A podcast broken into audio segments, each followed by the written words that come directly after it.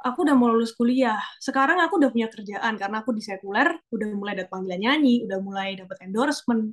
Ya kali Tuhan gitu kan, lulus kuliah malah nggak punya kerjaan gitu. Udah kuliah tinggi-tinggi, kagak punya kerjaan gitu. 24-7 with Majin on air in 3, 2, 1. So, hello everyone, back with 24/7 with Majin. Hari ini aku bakal bincang-bincang dan pertama kalinya akhirnya dibuat secara video karena we're actually ex- exclusively on Spotify, but this too will be recorded dan juga akan disiarkan juga di Spotify, but it's also on my YouTube channel. Jadi hari ini eksklusif nih dan semoga bisa konsisten. Siapa tahu ya kan ke depan-depannya Tata podcast ini bisa berbentuk video juga. Berkat bintang tamu kita hari ini yang pastinya memberkati juga kita semua. So here we go. Hello Rachel. Maria, how are you? Aduh, I'm great. Absolutely great. How about you? I'm great, puji Wow. Tuhan. Puji Tuhan. Aku gue udah kenal Rachel. Kita ta- tahun berapa kita ketemu ya? Oh my God, time flies. Duh, Yeah, I think 2018 ya, kalau nggak salah. 2019 mestinya ya. 19 ya? Oh iya iya. Lucunya kita tuh keep on contact walaupun sekarang lokasinya Rachel di Surabaya. Itu kayak tetap Mm-mm. connect lewat social media. I think that's that's the benefit of social media ya. Dan kalau ngelihat Rachel, seorang Rachel Angela ini memang udah influencer. Oh, terus Aduh. oh secara specifically um, Christian influencer. How about how how do you think about that? Gimana?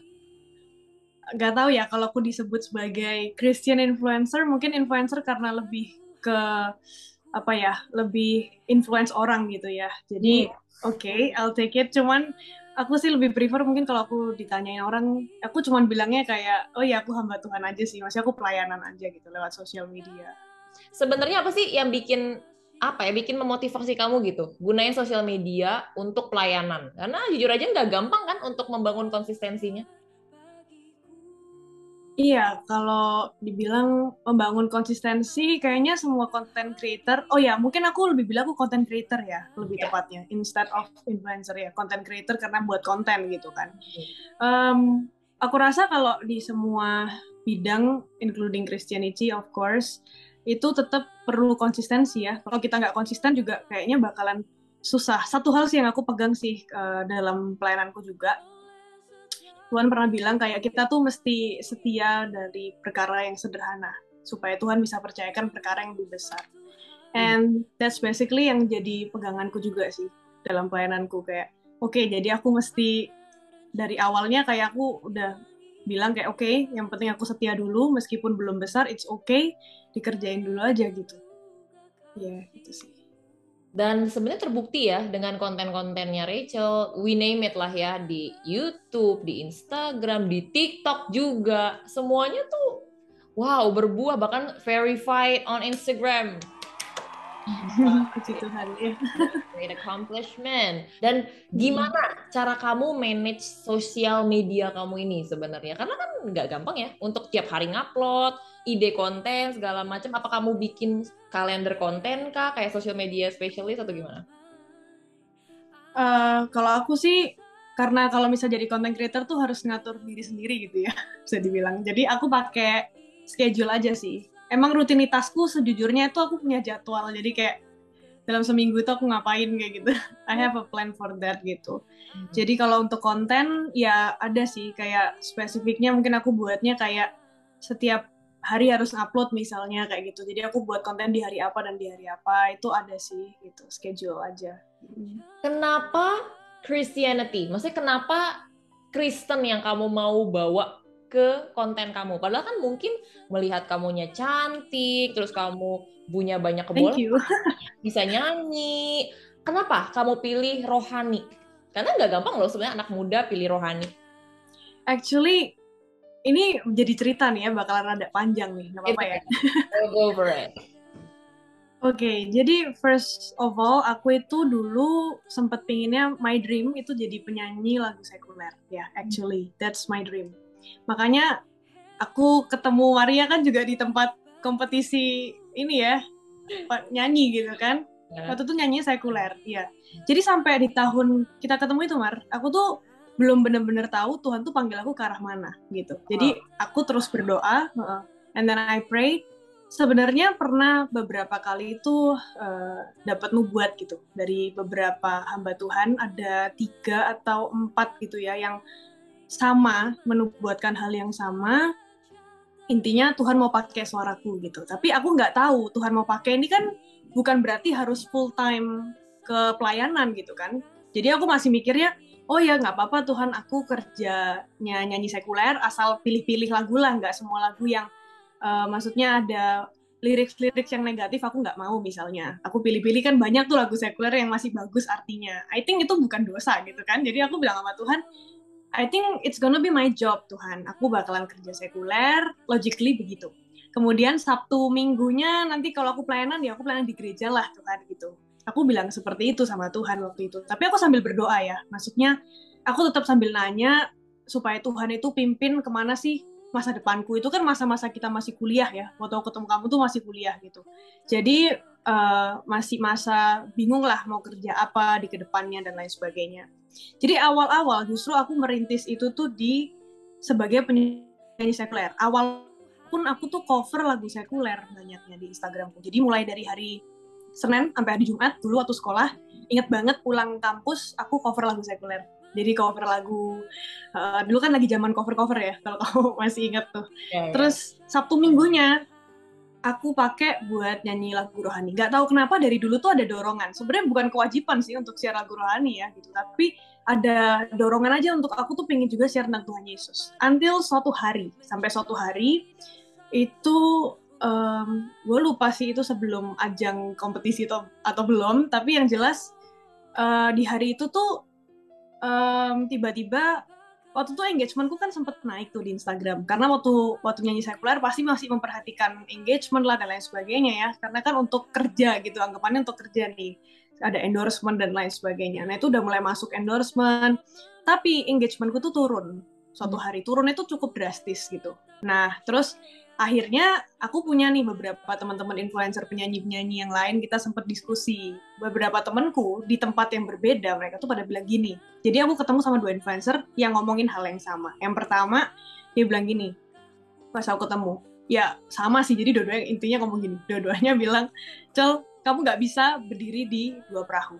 Gitu. kamu nggak bisa satu di sekuler dan tetap di rohani. You have to choose one. You have to pick one. Karena ya memang majority waktu itu uh, followersku itu bukan uh, Krist, bukan Kristen gitu loh, jadi agama lain gitu. Jadi mungkin mereka itu kurang suka ya kalau aku banyak share tentang Tuhan Yesus gitu. Karena kadang-kadang di story aku masih suka share tentang Tuhan Yesus, ayat-ayat firman. Kayak mengalir aja gitu, kayak ada dorongan pingin share gitu tentang Tuhan Yesus.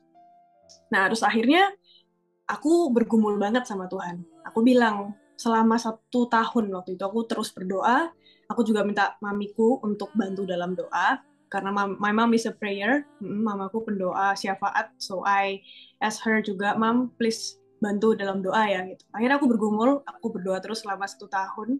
Aku tanya Tuhan Tuhan ini mau ngarahin aku ke mana nih? Gitu. Um, aku bingung nih Tuhan memang sih nggak pernah ada orang juga emang mewajibkan aku untuk harus share tentang Tuhan Yesus gitu. Tapi kok rasanya berat ya untuk meninggalkan apa ya aku kayak pingin gitu share tentang Tuhan Yesus. Not because of anything. Aku cuma ngerasa Tuhan tuh baik aja gitu dalam hidupku. Jadi aku pengen cerita gitu tentang kebaikan Tuhan. Nah ketika aku harus pilih antara aku sekuler full tanpa aku share tentang Tuhan Yesus tuh berat banget bagiku. Entah kenapa. That's why aku bergumul dan aku berdoa. Sampai akhirnya suatu hari karena pikiranku ini masih bernegosiasi gitu ya dengan Tuhan aku bilang sama Tuhan gini Tuhan ya udah deh pelayanan tuh kan nggak harus lewat sosial media aku bilang gitu. Akhirnya aku nego dan aku nggak tahu nih Tuhan masa kan lucu nih Tuhan bentar lagi aku udah mau lulus kuliah. Waktu itu posisinya setahun sebelum aku lulus kuliah. Hmm. aku udah mau lulus kuliah. Sekarang aku udah punya kerjaan karena aku di sekuler udah mulai dapat panggilan nyanyi udah mulai dapat endorsement. Ya kali Tuhan gitu kan lulus kuliah malah nggak punya kerjaan gitu. Udah kuliah tinggi tinggi kagak punya kerjaan gitu. Masa full pelayanan Tuhan gitu ya. Jujur tetap mikir sih gitu kan nggak mungkin numpang orang tua terus gitu. Maksudnya kayak minta orang tua terus gitu kan. And so itulah jadi kegalauanku. Bukan karena aku nggak mau full time pelayanan Tuhan karena apa? Tapi ya memang jujur li ada sih mikir masalah finance gitu ya. Gue harus kerja apa gitu. Makanya aku bernego sama Tuhan. Aku bilang Tuhan aku kerjanya aja deh yang sekuler. Tapi nanti aku tetap melayani Tuhan gitu. Tapi di gereja nggak usah di sosial media. Udah kan? Gue mutusin gitu. Gue merasa tuh bukan dosa dong.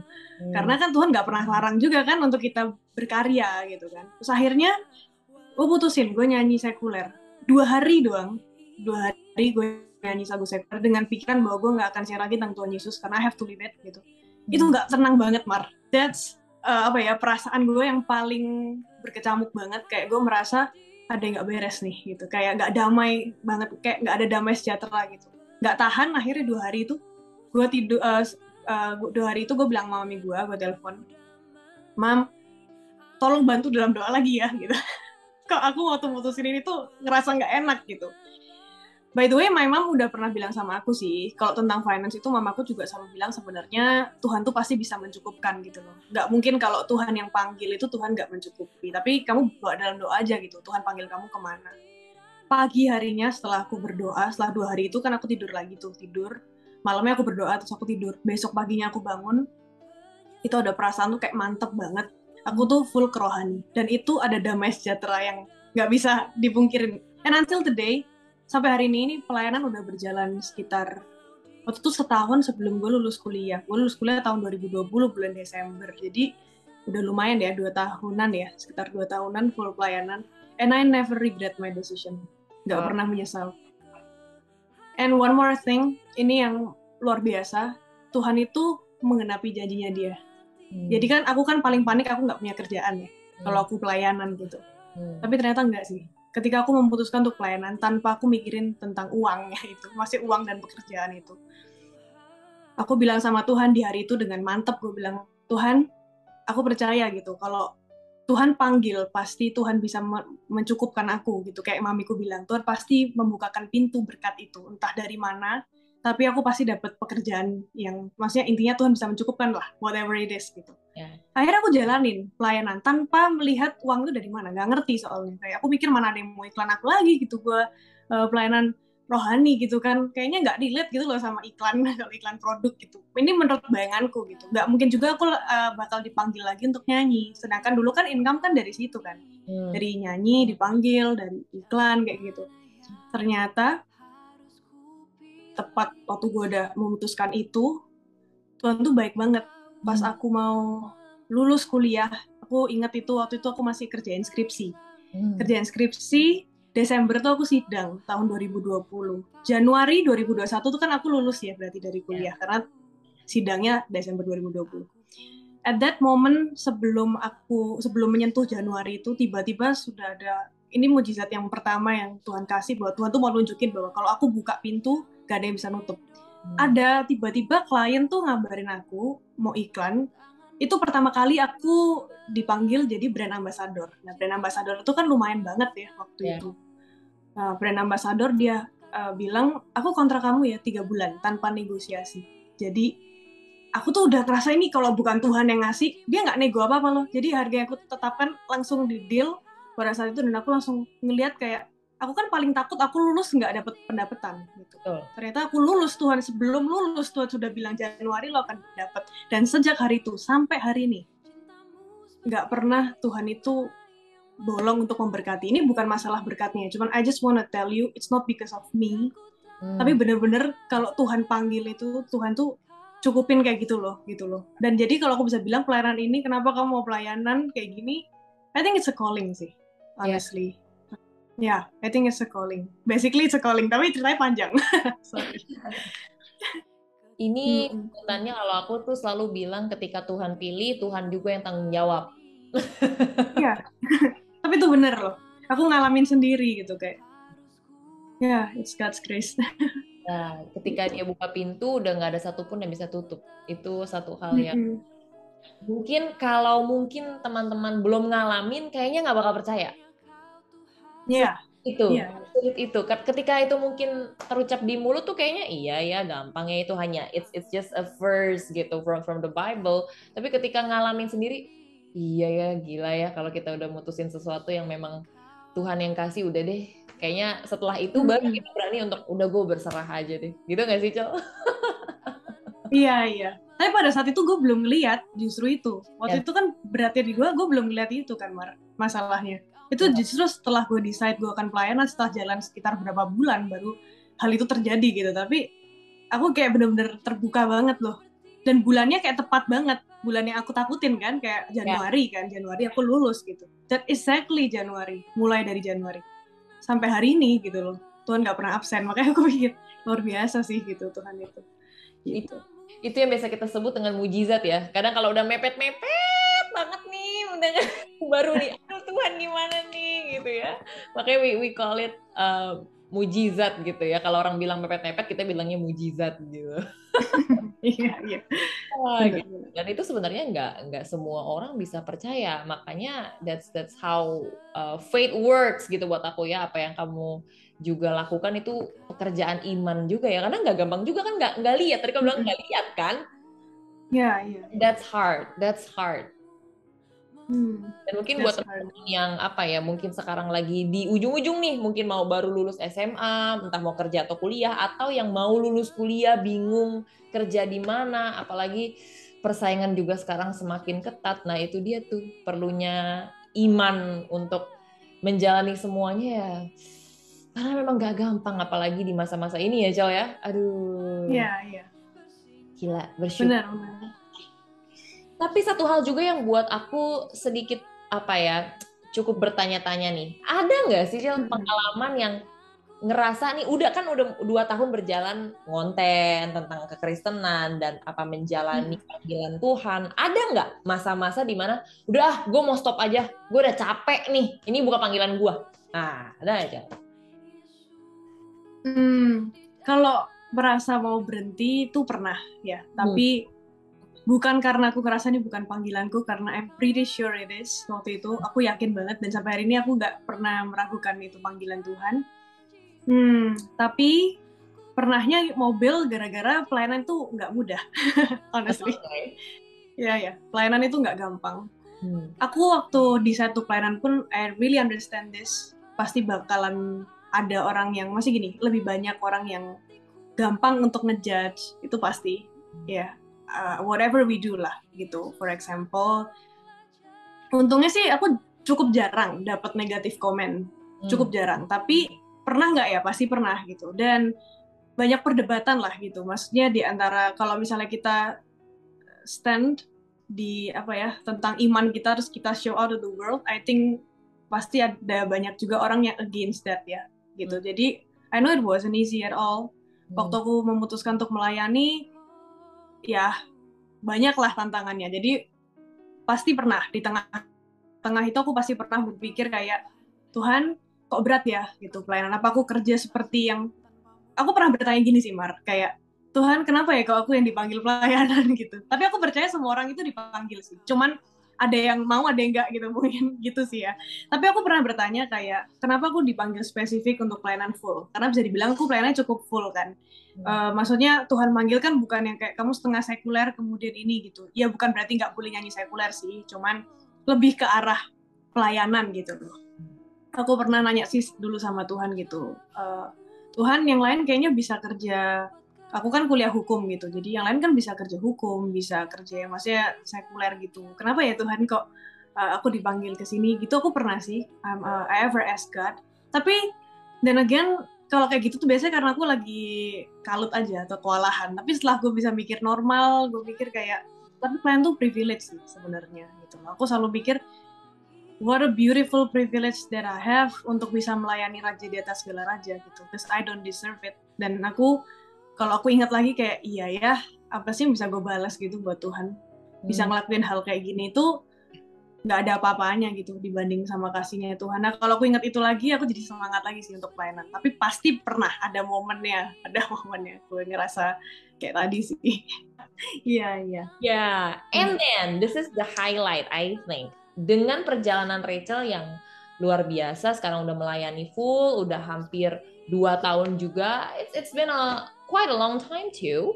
Dan sekarang akhirnya Rachel punya single rohani. Wah. Wow. Actually, actually aku udah pernah denger albumnya Rachel sebelumnya, album rohani. I think that's itu tahun berapa, Cel? 2017. Oke, okay, wow. Albumku yang pertama. Wow. Ya. Dan aku suka banget semua lagu yang ada di albumnya Rachel saat itu. Thank you, puji And then, Tuhan. and then this, this is the new project ya. Mm-mm. This is Oke. my newest project. Dan aku suka banget judulnya, Caramu Memandang. Aku udah denger lagunya, udah lihat videonya, it's so aesthetic, vintage, kayak ya kalau kalian lihat Instagramnya Rachel, you know why the coloring, all things are really like saturated enough gitu. Kayak keren banget ya. Hmm. Emang estetik banget Rachel ini. Nah, eh, baru aja ngerilis single. Caramu Memandang. Ini inspirasi dan proses produksinya kayak gimana sih, Cel? Hmm, inspirasinya sebenarnya dari eh, kalau dibilang my own story, aku waktu itu nulis lagi dalam pergumulan sih juga. Uh, jadi I have, you know, kayak waktu itu aku lagi menghadapi sebuah problem juga in my life. Itu momen di mana aku nulis lagu itu. I think um, lagu ini bisa relate tapi ke banyak peristiwa kehidupan orang-orang sih, nggak cuma masalahku aja gitu. Sometimes kalau kita lagi menghadapi masalah, I think kayak itu kan buat kita tuh jadi sometimes kecewa, mungkin we starting to doubting God. Emang Tuhan beneran baik gak sih gitu? Atau Tuhan ada gak sih sebenarnya gitu ya? Mulai mulai mulai curiga seperti itu atau ya hal-hal semacam itulah. Personally waktu itu pun aku lagi ngalamin suatu hal yang um, I'm expecting something to be happen to my life and I love that thing gitu. Tapi one day God said no uh, about that gitu. Jadi Tuhan bilang enggak. Tapi untuk bersepakat hati sama Tuhan tuh kan nggak mudah gitu. Dan aku yakin ada banyak banget orang yang juga saat ini mungkin lagi mengalami masa-masa yang menurut mereka susah, yang buat mereka menjadi meragukan Tuhan, atau bahkan malah mulai mencurigai Tuhan gitu. Tapi aku berharap lewat lagu ini tuh orang bisa diingatkan lagi bahwa jangan depend sama perasaan kita gitu. Tapi benar-benar harus berdasarkan janji kebenaran firman Tuhan, di mana Tuhan tuh menjanjikan rancangan damai sejahtera, bukan rancangan kecelakaan, sesuai dengan liriknya di situ juga. Tuhan itu uh, tahu yang terbaik buat kita, gitu. Terlebih daripada kita sendiri. Kita mungkin sering dengar ya kalimat ini, but actually kalau kita lagi menghadapi masalah itu, I think kita perlu diingetin lagi sih kalau uh, perasaan itu nggak boleh mendominasi kehidupan kita gitu loh. Oh, Karena cuma satu yang nggak pernah berubah, Tuhan. ya. Perasaan kita berubah gitu, mood kita berubah. Kita bisa pagi happy karena hal-hal terjadi sesuai dengan ekspektasi kita. Tapi malam-malam kita bisa bad mood misalnya karena satu hal itu nggak sesuai dengan keinginan kita gitu loh. Jadi betapa rapuhnya kita, betapa lemahnya kita kalau kita tuh hidup cuma berdasarkan perasaan aja. That's why yang paling benar itu pedoman hidup kita tuh firman Tuhan. Dan I think lagu ini tuh lebih ke arah situ sih. And how's the tune, the apa aransemen itu kamu juga kah?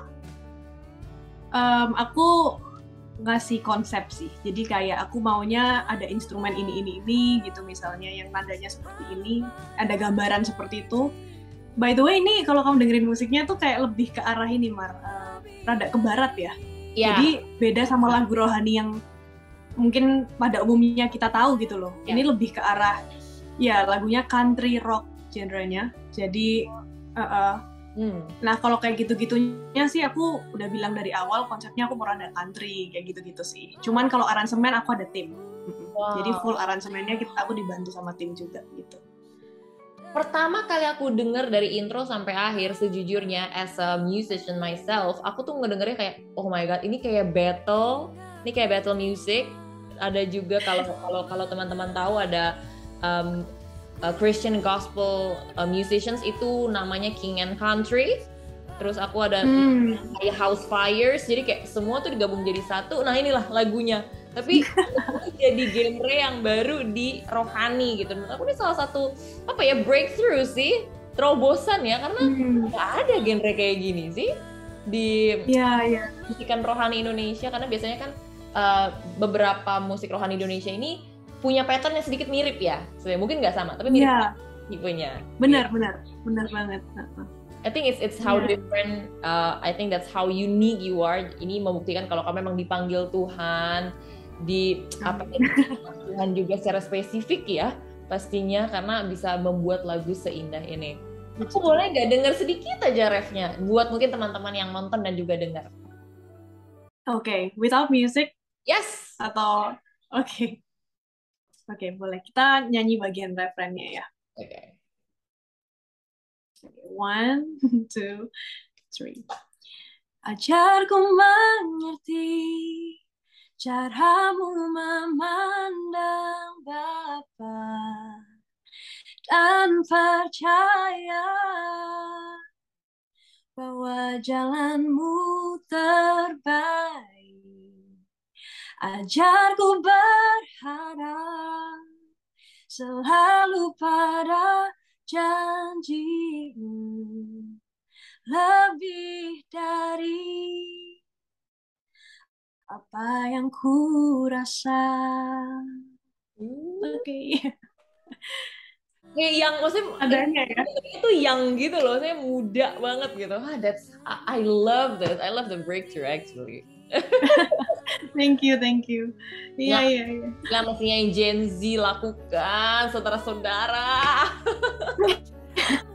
Oh iya, anak muda soalnya waktu itu aku tuh banyak dengar katanya anak-anak muda tuh bilang gini, eh eh, kan mereka sering denger lagu sekuler gitu kan, terus mereka sempat ngomong, soalnya gini, kalau denger lagu rohani di gereja sama di luar gereja masa lagunya sama gitu kan, nadanya masih kata mereka tuh kayak kamu bilang tadi, rada bukan sama tapi Mirip. ada genre khususnya gitu kan. Terus akhirnya uh, setelah berdiskusi juga with my team juga waktu itu um, akhirnya kita decide juga sih kayak aku juga decide mereka juga akhirnya memberikan opinion gitu kan ya udahlah mending bikin yang genre baru aja gitu yang mirip sama lagu rohani tapi yang barat mungkin ya karena lebih modern kan genrenya gitu Iya, jadi mirip sekuler jadinya.